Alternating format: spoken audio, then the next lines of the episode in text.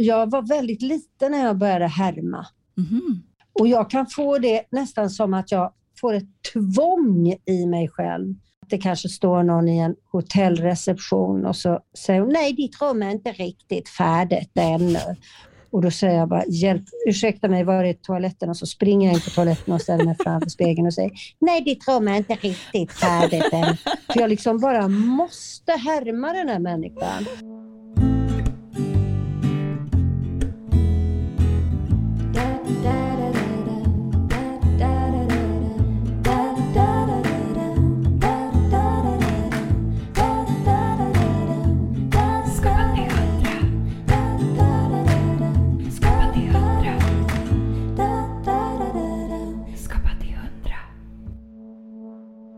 Idag har vi Sissela Kyle med på tråden. Vi pratar om vad det innebär att bli skissnödig, varför Fröken Frimans krig varit så viktig och varför löpning är en av de topp tre viktigaste sakerna i Sisselas liv. Du lyssnar på Skapa till 100 med mig Frida Andersson. Och med mig Maja Sönnerbo. Välkommen! Skapa till hundra. Ni förstår att det är så otroligt konstigt för min telefon har helt enkelt franska som språk. Och jag har inte det. Vilket Jaha. gör att det är så mäckigt allting för mig. Men, jaha, men det låter ju väldigt lustigt. Jag tror att det beror på att jag på något sätt installerade någonting när jag var i Frankrike.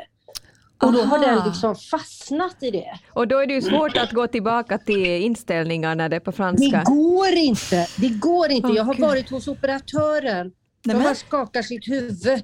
De, je comprends pas. parce que- Nej, men de, de förstår, ingen förstår någonting. Välkommen till att börja med. Tack. Vi brukar ju börja varje poddavsnitt med att hisspitcha vår gäst. Mm. Så eh, därför tänkte jag nu hisspitcha dig Sissela. Sissela Kyle är en av Sveriges roligaste och mest folkkära underhållare. I över 40 år har hon varit skådespelare och komiker men också regissör, programledare och teaterchef. Du har säkert sett henne i tv-produktioner som Fröken Frimans krig och Enkelstöten eller på någon av landets olika teaterscener. Sissela har tagit emot många priser för sina roller och för sin träffsäkerhet som komiker. Hennes sarkastiska bett och improvisationsförmåga gör henne till en underhållare av rang. Vilket kommit väl till pass i till exempel Parlamentet, RIA och Spanarna i Sveriges Radio. Vi är så glada att gästas av the one and only Sissela Kyle. Tack. Vad trevligt. Men eh, Sissela, vi brukar alltid börja med en eh, någon sorts kreativ incheckning kallar vi det. Ja. Var vi, vi är lite nyfikna på eh, hur ditt kreativitetsläge ser ut just nu. Om du skulle uppskatta Mm. det från en skala från 0 till 100. Ja, jag, jag är som alltid i väldigt liksom eh, i en fluktuerande bana eller vad man ska säga. Så det är otroligt olika. Jag skulle både gradera mig till ungefär 85 och till typ 15. Oj, Beroende på ja, men vad, när det är. Därför att jag liksom varvar koncentrerat arbete med att göra just ingenting. Det låter som den perfekta mixen. Ja, det lät faktiskt så. Det ska jag börja tänka, Sissela. Det här är den perfekta mixen. Men också att kunna bara stänga ner emellanåt. Jag är faktiskt ganska bra på det. Nästan för bra så att det är ju ibland liksom chockar mig att nu måste jag komma, just det, nu är det deadline eller så. Nej, men jag, jag är väldigt glad i att jobba, men jag har faktiskt inga problem med att inte jobba heller.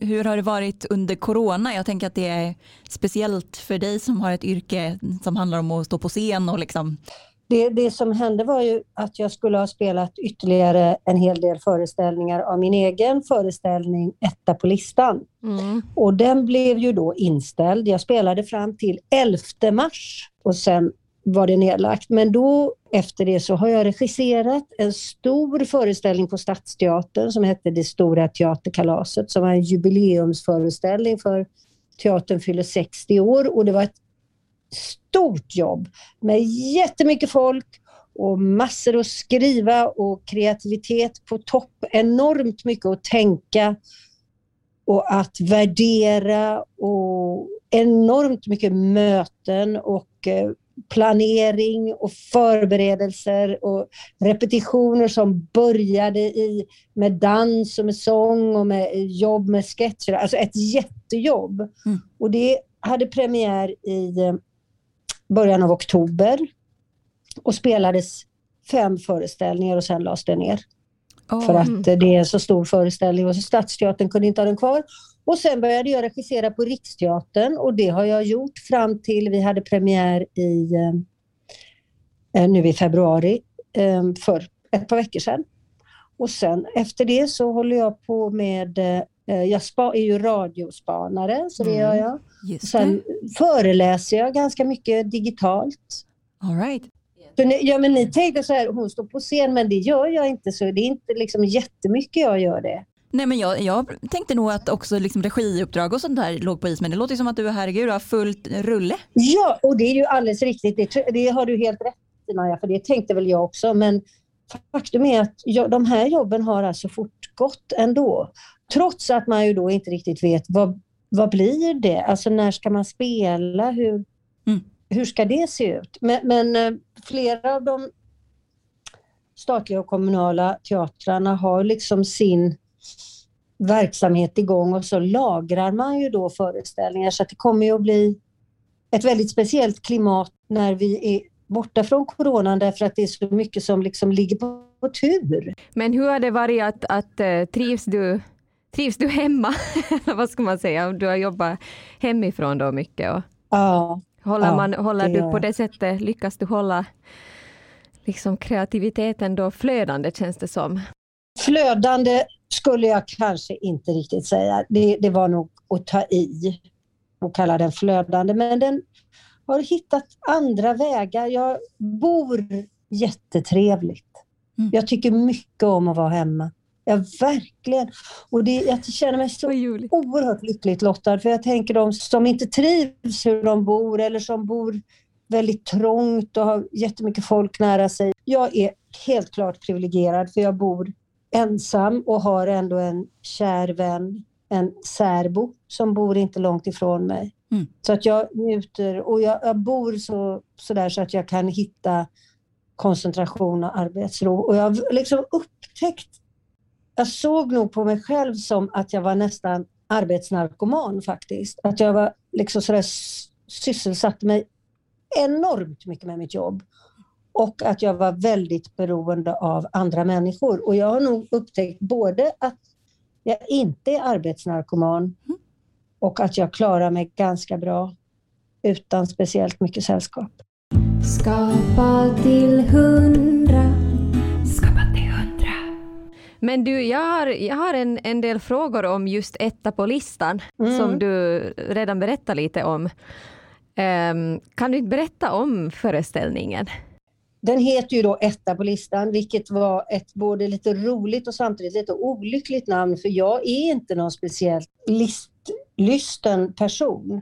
Eller eh, jag är det, men det spelar mig inte så speciellt stor roll och eftersom den heter så, så har i princip alla frågor såklart varit sådär, varför är du galen i att göra listor? Och så var jag, så här, jag, jag är faktiskt inte det. Mm, Utan det var liksom ett catchy namn, jag ångrar faktiskt det lite grann. Men det, det är mer så här, vad värderar jag? Vad, vad är etta på listan? Och etta på listan, det kan vara i princip vad som helst. Dels kan det finnas hela den här värderingen att vilken är den godaste sortens sill? Och sånt där kan jag ju hålla på med. Jag, jag kan gilla det. Sånt där, vad, vad är bäst eller vad är sämst? Mm. Vad är tråkigast? Vad är, det, sånt kan jag tycka är lite roligt. Men sen är det ju också, vad tycker jag för tillfället är det primära liksom? Eh, och då har jag använt den här föreställningen för att prata lite om teater och eh, lyfta fram flera av mina eh, kvinnliga komiska förebilder och eh, kollegor och sådär som jag vill ge en hyllning. Och då är de etta på listan. Mhm, vad fint. Va, hur föddes idén till att göra det här? Ja, jag gjorde en annan show för ungefär 14 år sedan som hette Dina dagar är räknade. Och Den spelade jag 150 gånger. Så då var det ju ganska ovanligt med en sån här eh, one woman show. Så den, den var liksom eh, väldigt tidig. Det var, eh, och var, gick på tv sen och var liksom väldigt sådär fram, en framgångsrik grej. Och den kretsade mycket kring mina tankar om döden. För att Mm. jag gjorde den i samband med att jag fyllde sex, eh, 50. Jag fyllde 50. Och då tänkte jag så mycket på döden. För jag tyckte jag hade levt så himla länge. Och då tänkte jag på hur, liksom, hur många år det är och det är svindlande för mig. Och, så där. och, och då så spelade jag just då i en succéföreställning, vill jag faktiskt kalla det, som var Singin' in the Rain, Mm. som spelades på Oscarsteatern. Och då efter var jag med och spelade i ett år och sen lämnade jag den föreställningen. Och den spelades vidare i säkert tre år. Men jag lämnade för jag bara kände här, jag, jag, kan, inte stå, jag, jag kan inte stå på scen längre. Jag, jag vill inte... Jag vill inte vara med och, och kväll efter kväll. Jag, jag klarar inte det. Jag, mitt liv, jag ska dö och mitt liv. Och liksom, så där började jag tänka. Mm. Jag, jag, och så hade jag en metafor för det, att jag ville sitta på en sten och titta på en annan sten. Men jag är ju urdålig på att sitta på en sten och titta på en annan sten. Det är ju klart min sämsta gren. Och då var jag ännu sämre på det. Så då började jag skriva på den här föreställningen om döden. Och då skrev jag med min kompis Kalle Norlén. Vi har skrivit mycket ihop. Och så hade jag premiär på den då och sen så spelade jag den då 150 föreställningar och på turné runt om i Sverige och spelade in den och sådär. Och efter det har jag egentligen inte spelat speciellt mycket utan sen har jag regisserat. Och så sa vi redan då, om tio år ska vi göra en föreställning till i samband med att jag fyller 60. Aha. Och nu har ni gjort den här då, etta på listan. Och då gjorde vi den här som var etta på listan och nu håller vi på att prata om vi skulle göra en när jag fyller 70 och då tänker jag att den ska heta antingen fullt ös medvetslös eller tvåa på bollen kanske. Jag vet inte. Men därför så var det liksom inte en ny tanke som du förstår då att göra den här utan det var ju liksom den, en ganska klar uppföljning på den tidigare. Mm.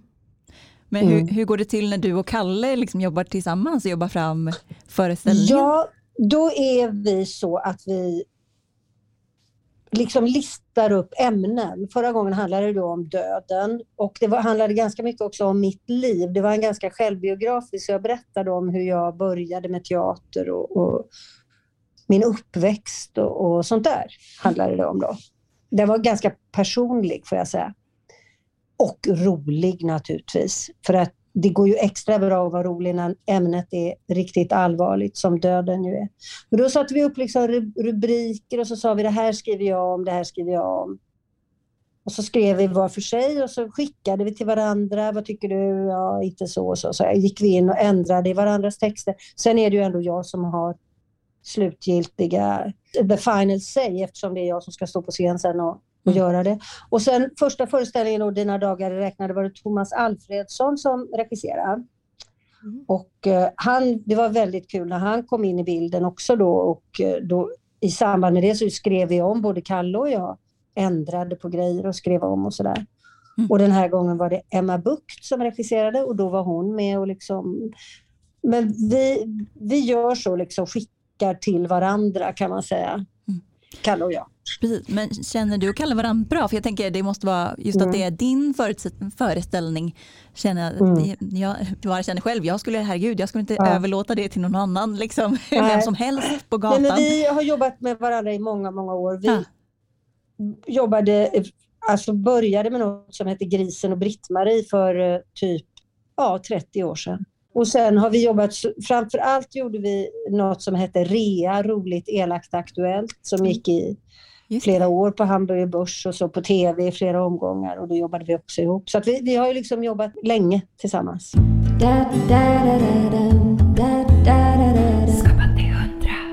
Jag är nyfiken på att var du rolig redan som barn och varifrån kommer din sarkastiska humor som man tycker är så härlig? Jag tänker att är det medfött måste det ju vara.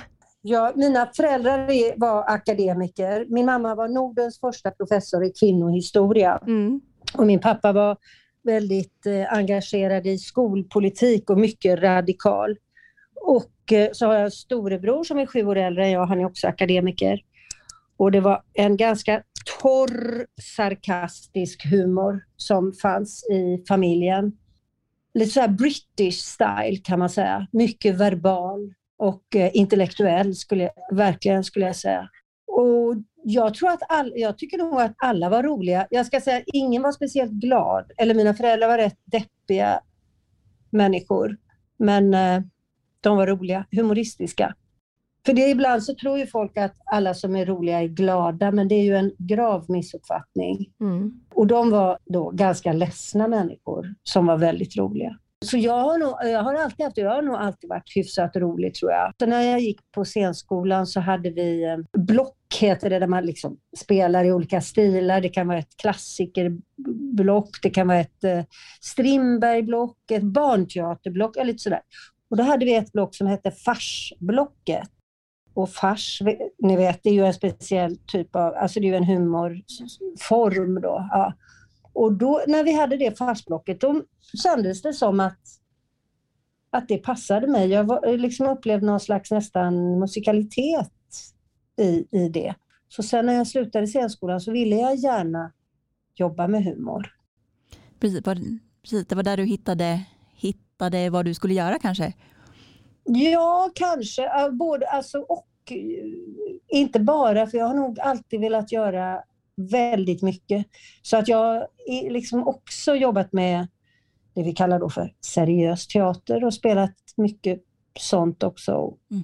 Så jag är liksom inte bara intresserad av komiken. Och jag varvade då så att jag var på privatteatrar och med att vara på Stadsteatern eller på, i fria grupper och sådär, spela mer så här, mm, seriösa eller allvarliga grejer.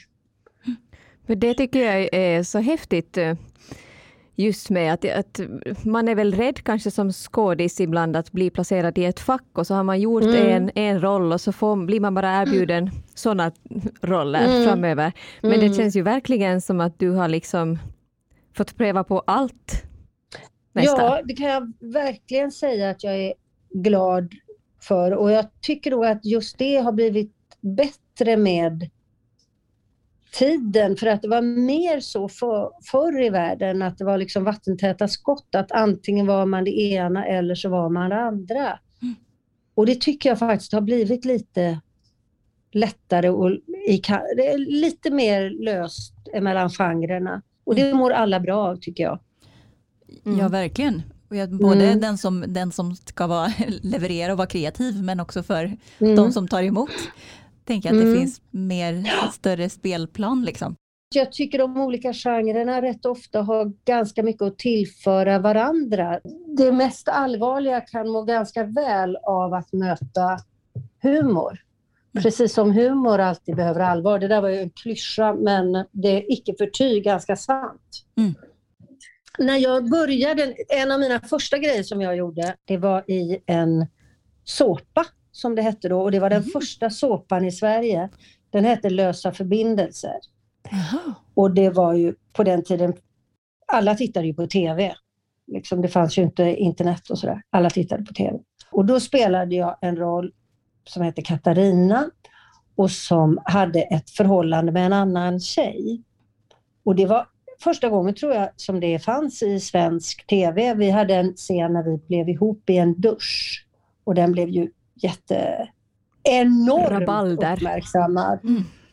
Och är fort, var kanske lite bidragande till att jag sedan började vara konferencier på QX homogalan, gaygalan, som jag ju har varit i många, många år. Mm. Och eh, då, när jag hade gjort den, där, alla i Sverige tittade på den och alla i Sverige hade åsikter om den och det stod om det i kvällstidningarna varenda dag, det ena och det andra och sådär då. Men då tänkte jag, nu kommer jag aldrig att få, jag kommer liksom, mitt, min karriär är över nu, för nu är det bara lösa förbindelser som alla kommer att tänka på mig Mm. om. Och jag tänkte, åh vad tråkigt. Och sen så började nästa serie som hette Goda grannar. Och då glömdes det bort. Och det var så skönt. Men eh, den där dusch, att, jag, att det var det första lesbiska i, te, i svensk TV, det är jag stolt över. Det var roligt. Skapa till hundra. Skapa till hundra. Du, jag tänkte på en annan sak. Du nämnde din eh, mamma som eh, Gunhild som var Sveriges första professor. Norden, Nordens till och med. Nordens till och med. Jag tänkte hur har, har hennes liksom yrke och hennes engagemang i den frågan, har det påverkat dig? Och på vilket sätt i så fall? Självklart har det gjort det oerhört mycket. Och faktum är att den, jag gör en föreläsning nu digitalt som heter Rösträtten, kampen och min feministiska mamma. Mm. Och, eh, för det är ju nu hundra år sedan kvinnan fick politisk rösträtt första gången. Mm. Och min mamma hon forskade ju då i det här då helt nya ämnet kvinnohistoria. och på den tiden fanns det ju inte internet eller någonting och hon skickade efter utdrag ur skattelängder och eh, betygslängder och underlag från skolverk och kyrkobokföring. Så satt, man, satt hon med sitt kartotek och alltihopa över köksbordet liksom i Partille där jag är uppvuxen. Och jag var ju ganska liten och jag fick hjälpa henne att sortera och, och liksom sätta in i pärmar och lägga i bokstavsordning och sånt där. Så att jag mötte liksom hela den världen av emancipation i början av förra seklet som skulle leda fram till rösträtten så småningom då. Jag mötte den så tidigt så att jag har liksom alltid haft med mig den kvinnohistoriska och emancipatoriska bakgrunden. Den har varit självklar för mig och jag har alltid haft den. Och det hade jag inte haft utan min mamma. Jag tänkte på fröken Frimans krig där. Mm. Ja, när jag blev erbjuden den rollen så tänkte jag så här. Det här är för dig mamma. Ja, det är, precis. Det känns som att du liksom kom närmare henne genom den rollen. Ja, på sätt och vis. Det var, men samtidigt var det ju så roligt att gå in i den här tiden som är fröken Frimans tid eftersom jag hade läst så mycket om det och sett så mycket ända från när jag var barn. Mm. Eftersom jag då hade följt med i, jag hade ju sett alla de här bilderna på hur hånade rösträttskvinnorna blev. Jag hade mött alla de där argumenten mot ja, kvinnlig rösträtt och kvinnlig det, högre studier eller att kvinnor skulle bli läkare, jurister, tandläkare, simskollärare eller whatever. Alltså, allt det här hade jag ju liksom träffat på då genom mamma. Så att det var en så bekant värld. Den rollen, själva fröken Friman som är du, Dagmar. Dagmar precis. Dagmar, Det är ju bas, eller rollen är ju baserad på en, eh, på en verklig person. mm, Anna Whitlock. Anna Whitlock, precis. Vad eh, gjorde det att du liksom närmade den här rollen på ett annat sätt än vad du gör med en fiktiv roll? Nej, nej, jag skulle inte säga det. Därför att rollen är inspirerad av Anna Mm, Whitlock. okej. Men det är liksom inte Anna Whitlock. Yes. Det, det är inte det. Därför att den, den är inte lik Anna Whitlock. Den, är, den gör inga försök att karaktärisera Anna Whitlock. Mm. Utan den är en egen separat roll. Inspirerad av Anna Whitlock och flera andra personer.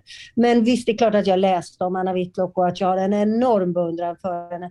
Och jag fick faktiskt brev ifrån, för att precis som Dagmar Friman tog Anna Whitlock ett fosterbarn. En, en flicka var det. Och jag fick ett brev ifrån henne. Där hon Mm, skrev aha. att hon liksom kände igen sin fostermor. Ja, vad fint. Det var ju otroligt fint. Skapa till hundra. Skapa till hundra. Det har ju hänt väldigt mycket förstås sen, sen Frimans tiden. Men har du, har du mött motstånd under din karriär på grund av att du är kvinna? Ja, det, det har jag ju. När jag gick ut scenskolan då hade inte Bechdel-testet kommit ännu. Och jag kan säga att det är inte många produktioner som hade klarat det testet under den tiden. Mm. För att eh, det kunde vara så att i en tv-produktion så hade de flesta kvinnliga rollerna inte ens namn. Utan de var liksom Harrys flickvän, Harrys mamma. Mhm. Eh, och de hade inga yrken eller så. Så att de, det präglades mycket av att det var män som skrev dramatik, män som regisserade, män som spelade de stora rollerna och kvinnor som tittade. Kvinnor var lite pynt vid sidan av. Eh, Kvinnor tittade på, alltså kvinnor var publik. Mm. Men där har det ju hänt mycket. då i alla Ja, fall, det har ju tack och lov. precis. Mm. Det har verkligen hänt mycket. Men om man tänker eh, komikerbranschen, Mm. så funderar vi på att den är väl, det känns som att den fortfarande är rätt mansdominerad. Men eh, håller du med? Ja. Och, och vad tror du i så fall det beror på? Ja, alltså det har ju funnits, jag tar upp i min föreställning många av de här kvinnorna som fanns för länge sedan på 30-tal, 20 och 30-talet så fanns det många kvinnliga komiker som var väldigt populära både i Sverige och även i USA och England. Jag vet inte hur det är i resten av Europa. Eh, och som var lite mer av den bastanta typen. Lite mer av huskors, räpakärringar, ragator och sådär. Och som ofta var producenter själva och som drev sina produktioner och, och var väldigt framåt. Så det finns liksom en gammal tradition av kvinnor som skojar. Men annars så har det ju varit ett, eh, på många sätt ett, ett manligt rum och det som mycket annat har väl inte kanske ansetts vara kvinnligt. Men det har ju också hänt väldigt mycket. Det har ju kommit oerhört många fler eh, kvinnliga komiker och som får enormt mycket större plats. Jag tänker bara hur det var i parlamentet när jag började där för 20 år sedan. Då var det ju en kvinna Mm. per omgång. Det var i princip aldrig mer och det var urtufft för tjejer att få kvala in där och nu, har man, nu anstränger man sig faktiskt. Nu, nu är det så att jag skulle säga att man verkligen letar efter och vill ha med kvinnor. Mm. Och det är jättemånga tjejer som är skitkul och bra så att jag tycker nog att det är precis som det mesta, steg för steg Mm. går framåt. Ja, för jag tänker, för där kan du, har du verkligen liksom haft möjlighet att se en, nå- någon slags förändring givet att du har, Mm. har gjort det Mm. i så många år. Ja, det tycker jag. Eh, Att, för du började där 98. Men, men var, du, var du den, en av de första då kvinnorna som kom in Ja, där jag var helt med enkelt? helt första. Ja, häftigt. Ja, har, jag har Mm. suttit och tittat på dina parlamentet-klipp nu här i, Man idag. kan, Det är- man kan knarka dem. Exakt. Mm. Ja. Men alltså, vad, det måste jag fråga, vad är hemligheten bakom att vara spontan rolig under press? Ja du, det låter ju helt omöjligt. Jag. Det är det jag Så att menar. då är det väl så att man i det ögonblicket inte upplever press. Mm. Det gäller väl att vända den där pressen till något positivt, annars så tror jag nästan inte det går. Måste. Det låter helt omöjligt. Så man måste hitta liksom ett avslappnat läge Ja, ändå. Liksom. ja det tror jag, eller ett lustfyllt läge. Alltså det som kan vara press i ett, sett ur ett perspektiv kan ju också vara en slags förhöjd eh, livskänsla och en förhöjd puls, en förhöjd atmosfär som inte behöver vara skräckinjagande och pressande utan kanske är inspirerande istället. Mm. Så kan det ju vara i bästa fall. Mm. För eh, annars så tror jag nästan inte det går att få ur sig något kul. Men alltså om man har ett manus eh, där man ska vara rolig till exempel, då kanske man, och säger att man går igenom en livskris eller har en, en tung period i livet, då kanske man ändå kan lyckas komma igenom det och jag vet inte, trycka kanske på autopiloten och så, så kör man. Ja. Men det tänkte det jag på jag. att hur lyckas man till exempel i en parlamentet situation, säg att man har det liksom lite tungt på hemmaplan just då och så ska man liksom bara Men ofta är det ju så i, skulle jag säga, i teater och konstnärliga yrken att det blir som en egen värld lite grann. Man kanske lämnar det där tråkiga då, mm, hemmalivet, om man nu har det jobbigt hemma. Jag vet ju att många av de äldre skådespelare jag har jobbat med säger ofta det att det har varit så skönt att komma till teatern och få bli någon annan och få Mm. slippa vara sig själv ett slag. Är det stor skillnad på, på rampljus Sissela och privat Sissela eller går du in i någon sorts roll alltid när du... Ja, men det beror ju helt på vad jag gör för någonting. För spelar jag en Mm. roll så är det ju en roll. Men du tänker i, i som konferencier eller? Jag tänker Eller lite på, själv som, som artist så, så upplever jag att när jag går ut på scenen så är det ju ändå, Ja. man blir någon sorts Ja, jag vet inte om man ska säga superversion av sig själv, men annars Ja, hade man aldrig ja. vågat gå ut där. Ja. För du, du är, sjunger väl? Jag sjunger ju och spelar gitarr. Mm. Ja, jättefint. Jag hörde lite, det var jättebra tycker jag. Tack Och det, då, men då är det ju som en attention, alltså, eller liksom en förhöjd version av sig själv, en koncentrerad version av sig själv. Ja, Där kan man också lite grann väljer ut vad man vill visa, eller hur? Mm. Jo, så är det ju absolut. Och Ja. eh, ja, man får ju på, ett, eh, man slår på någon sorts, eh, tycker jag, eh, självförtroende som, som gör Ja. just att annars hade man Exakt. liksom inte kunnat gå ut riktigt Nej, kanske på det en håller jag scen. helt med dig om. Och jag kan också, då och då så tänker jag också så här, herregud de här människorna sitter ju här, de har betalt för att vara här. Ska jag då Mm. gå ut och liksom göra ett halvbra jobb? Det vore ju fruktansvärt. Alltså det är klart att man ska allt, liksom måste ge och göra sitt yttersta och det är ju bara att slå om i huvudet och bli den personen. Mm. Och då slipper man ju faktiskt det som kanske är ledsamt då, eller vad man nu har som gnager en. Mm. Vad gör du Maja?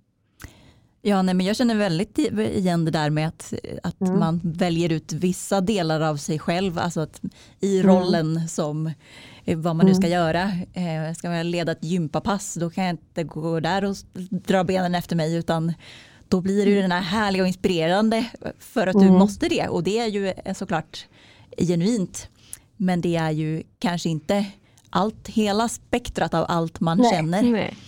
Eh, Men varför skulle man också visa det? Hela spektrat. Alltså det vore ju hemskt att utsätta människor för. Da da da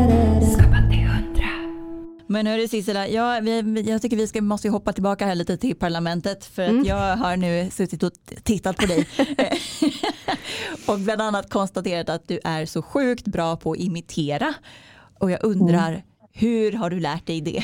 Alltså jag tror faktiskt alltid jag har kunnat det. Jag var väldigt liten när jag började härma, Mhm. som man säger då.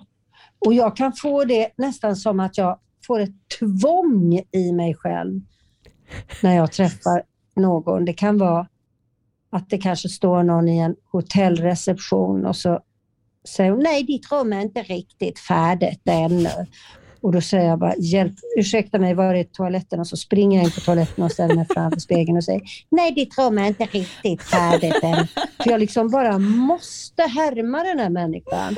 Jag brukar säga att jag blir skissnödig, jag måste göra en skiss på personen. Och så kan jag bli alltså när jag ser någon på TV eller, liksom, eller träffar någon så bara jag uppfylls av en sån lust att leka att jag är den människan. Ja, ja men Och precis. då, så då, och då härmar jag. Ja.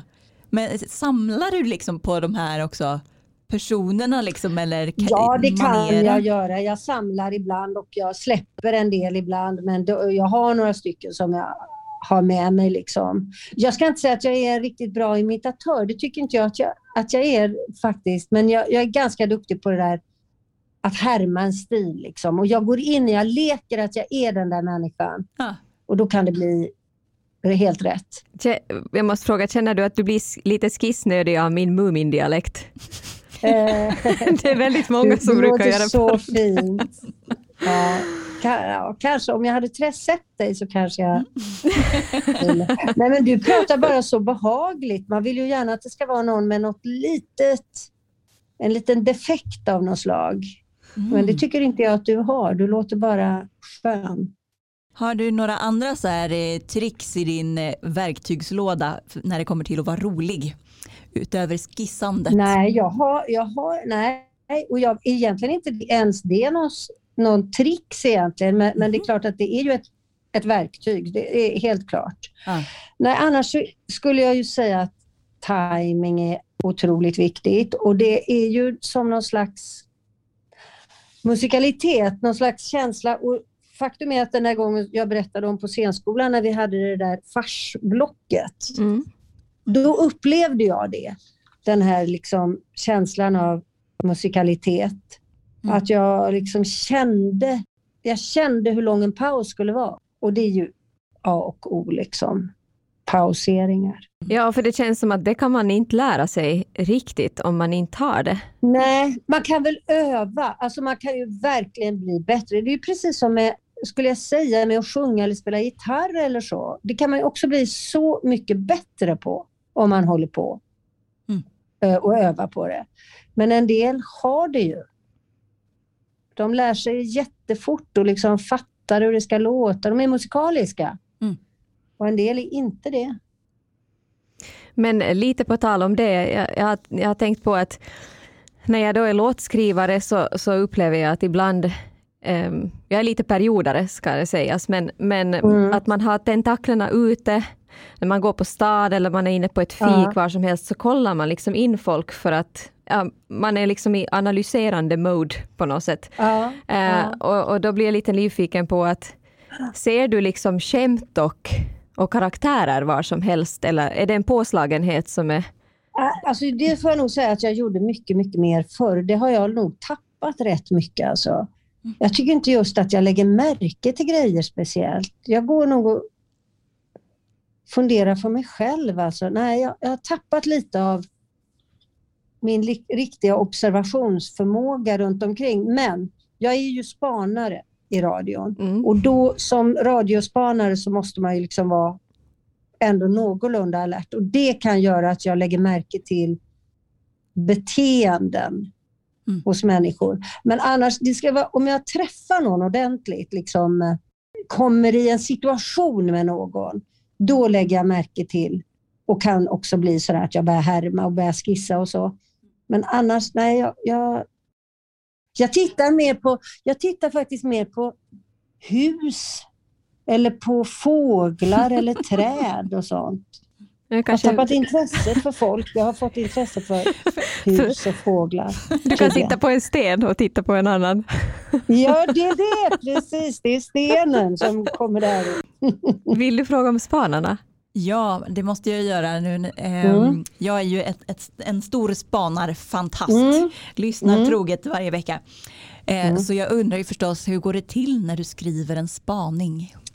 Ja du, ångest kan vi kalla det. Punkt. Nej, men det är faktiskt skitjobbigt. Ja. Och jag är ju inte med speciellt ofta och det beror ju på att det beror dels på att jag alltid har så mycket annat att göra och att mina jobb, som nu när jag regisserar, så är det är ju direktsänt på fredag eftermiddag. Jag jobbar nästan alltid på fredag eftermiddag. Mm. Tack och lov. För att det är, ju, det är så mycket jobb ska jag säga er. Och det låter ju, det är ju liksom bara så att man sitter och pratar och säger och har det där. Det är ju liksom ingenting. Men det är så mycket jobb att tänka ut och, för, och liksom researcha och hitta beläggen och att det dessutom ska bli lite roligt. Mm. Jag orkar inte tänka på det. Nu ska jag spana, inte nu på fredag utan nästa fredag. Aha. Och redan nu så börjar jag hålla på. Åh, jag har två idéer som jag ska, jag ska kolla upp båda de spåren Mm. och se vilket som blir mest fruktbart. För man, alltså man vill ju hitta exempel och samtidigt så ska inte exemplen vara, peka precis de ska inte vara likadana utan det är roligt att hitta från ett helt annat håll. Mm. Någon, från an, liksom os, otippat från sidan liksom som ändå går att få med. Ja, just det. I- Men bollar ja. du dina spaningar med någon? Ja, men alltid. Per Naroskin är ju min särbo Mm. och han är ju med väldigt mycket i Spanarna. Precis. Och vi, vi har ju alltid så här dialog och pratar om våra spaningar tillsammans och hjälper varandra. Det är bra. Ett Vilken till lycka. proffs hemma. Mm. Det är Eh, han som kommer hit snart och äter middag. Det är därför vi inte kan fortsätta hur länge som helst. Jäklar. Mm. Nu tar jag Fridas fria frågor. Skapa till hundra. Skapa till hundra. Eh, Vi har nämligen alltid Fridas fria frågor. Det innebär att jag får fråga lite grejer som är lite off, men eh, som vi väldigt gärna vill veta. Mm, mm. Har du någon dold talang? Alltså om jag har någon dold talang så ska Ja. jag verkligen gömma undan den. För att jag tycker jag har profiterat så mycket på de få grejer jag är någorlunda på. Så att har jag, är rädd att det inte är så, men jag kan gärna ge sken av att jag har någon dold talang som jag håller hemlig. Okej, vad älskar du att göra utanför strålkastarljuset? Jag är mycket intresserad av eh, att laga mat. Jag tänker mycket på mat. Jag pratar om mat. Jag fantiserar om mat och hittar på och älskar att laga mat och jag älskar att äta mat. Gud, nu blir jag hungrig. Ja. Och sen så tycker jag jättemycket om att vara ute. Jag springer och jag åker skidor och promenerar och tycker om att vara ute. Förut så tyckte jag det var trevligt att umgås med människor, men nu gör jag inte det. Men jag har ett barnbarn och jag är så fruktansvärt kär i henne. Mm. Så mitt hjärta slår dubbelslag när jag tänker på henne. Är det en liten tjej? Ja, hon är två och ett halvt. Har ni barn? Jag har en två och ett halvt åring hemma. Har du? En son. Nej! Men det är ljuvlig ålder alltså. Åh, det är så Det är full fart. roligt! Och hon berättar, moj moj och berättar för mig allt, allt jag vill veta. Hon kan allting. Hon pratar som en kvarn och berättar allt roligt för mig. Du får svara på den om du vill. Jag är lite nyfiken. Hur är det att vara ihop med en psykoterapeut? Ja, men alltså, jag är ju inte ihop med en psykoterapeut, jag är ju ihop med Per. Ja. Ja, som råkar vara psykoterapeut. Så att jag har inte, liksom, det är inte för yrket som jag har valt honom.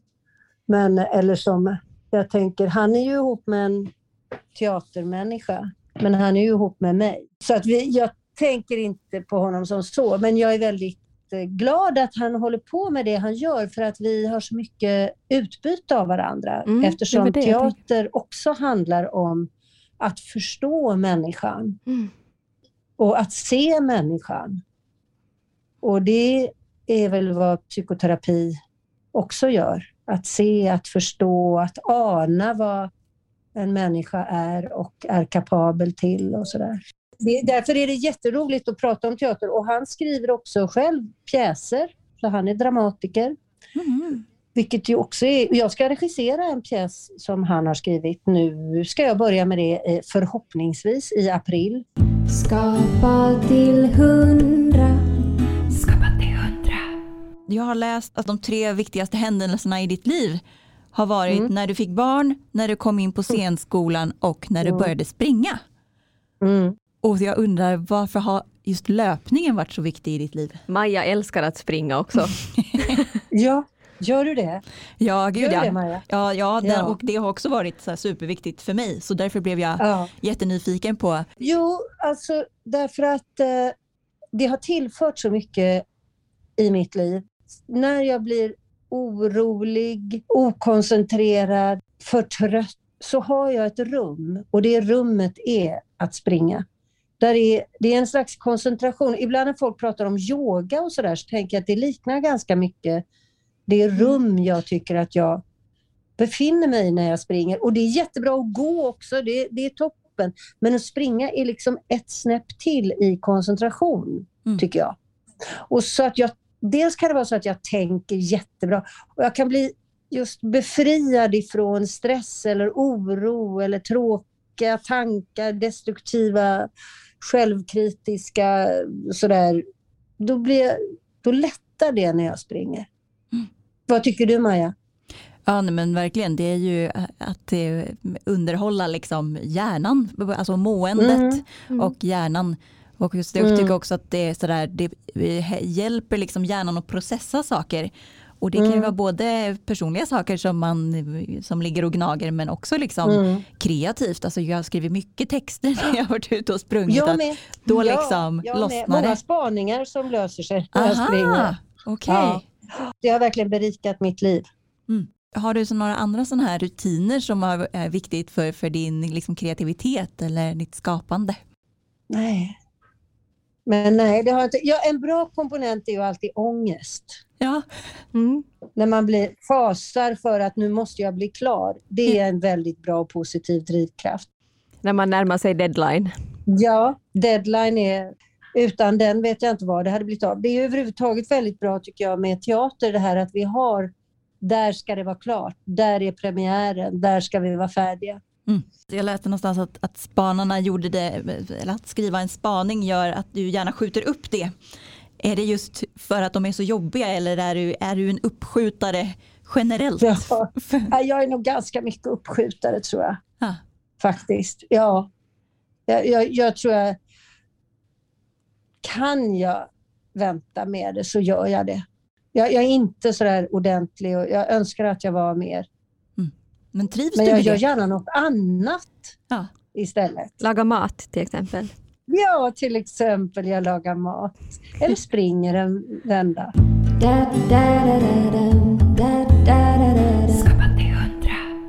Jag vet inte om vi behöver wrappa upp det här om vi ska Mm. försöka Vi har så mycket ihop frågor här. påsen. Precis, för nu har min man kommit här i bakgrunden och börjat hålla på och stöka i karotterna. Jaha, Mm, yes. ska vi gå in på sista? En sista fråga. Du har gjort så otroligt mycket produktioner och liksom Ja. haft så många uppdrag. Eh, Finns det Ja. något som du är liksom så extra stolt och glad över? Jag är jätteglad över Fröken Friman. Varför då? Jag, jag, jag, är, jag är faktiskt väldigt, väldigt glad över det. För att jag, jag, tycker det är, jag tycker det är jätteroligt med enkelstöten också. Och, eh, jag har gjort saker på teatern som jag tycker nu, den här regijobbet som jag gjorde nu är jag jätteglad för. Och, men Fröken Friman, det binder ihop så mycket för mig med min mamma. Mm. Och min bakgrund. Mm. Så jag, jag är verkligen stolt över det. Och det var också ett projekt som är ganska ovanligt att det görs i svensk television. Och så får jag vara med i det. Jag, jag är jätteglad för det. Da da da da dum, da All right. Tre Tre. sista frågorna. Mm. Vad är bäst just nu? Har ni sett Etos?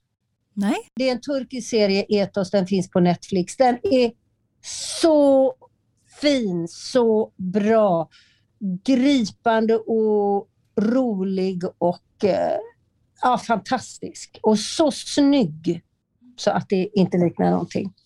Om man vill bli som du, var ska man liksom, hur ska man göra för att närma sig ditt hantverk?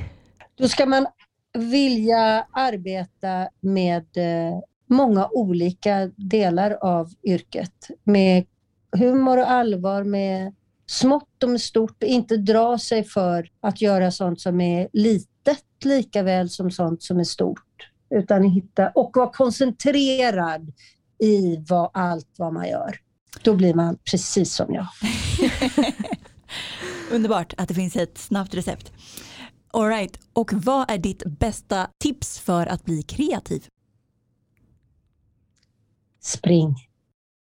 Bra tips! Verkligen. Mm. Tusen tack för att du ville vara med Sissela. Ja, men Jättetack. tack snälla ni och det, jag hoppas att ni fick ihop så att det räcker till en podd. Bon Ha det så gott tjejer!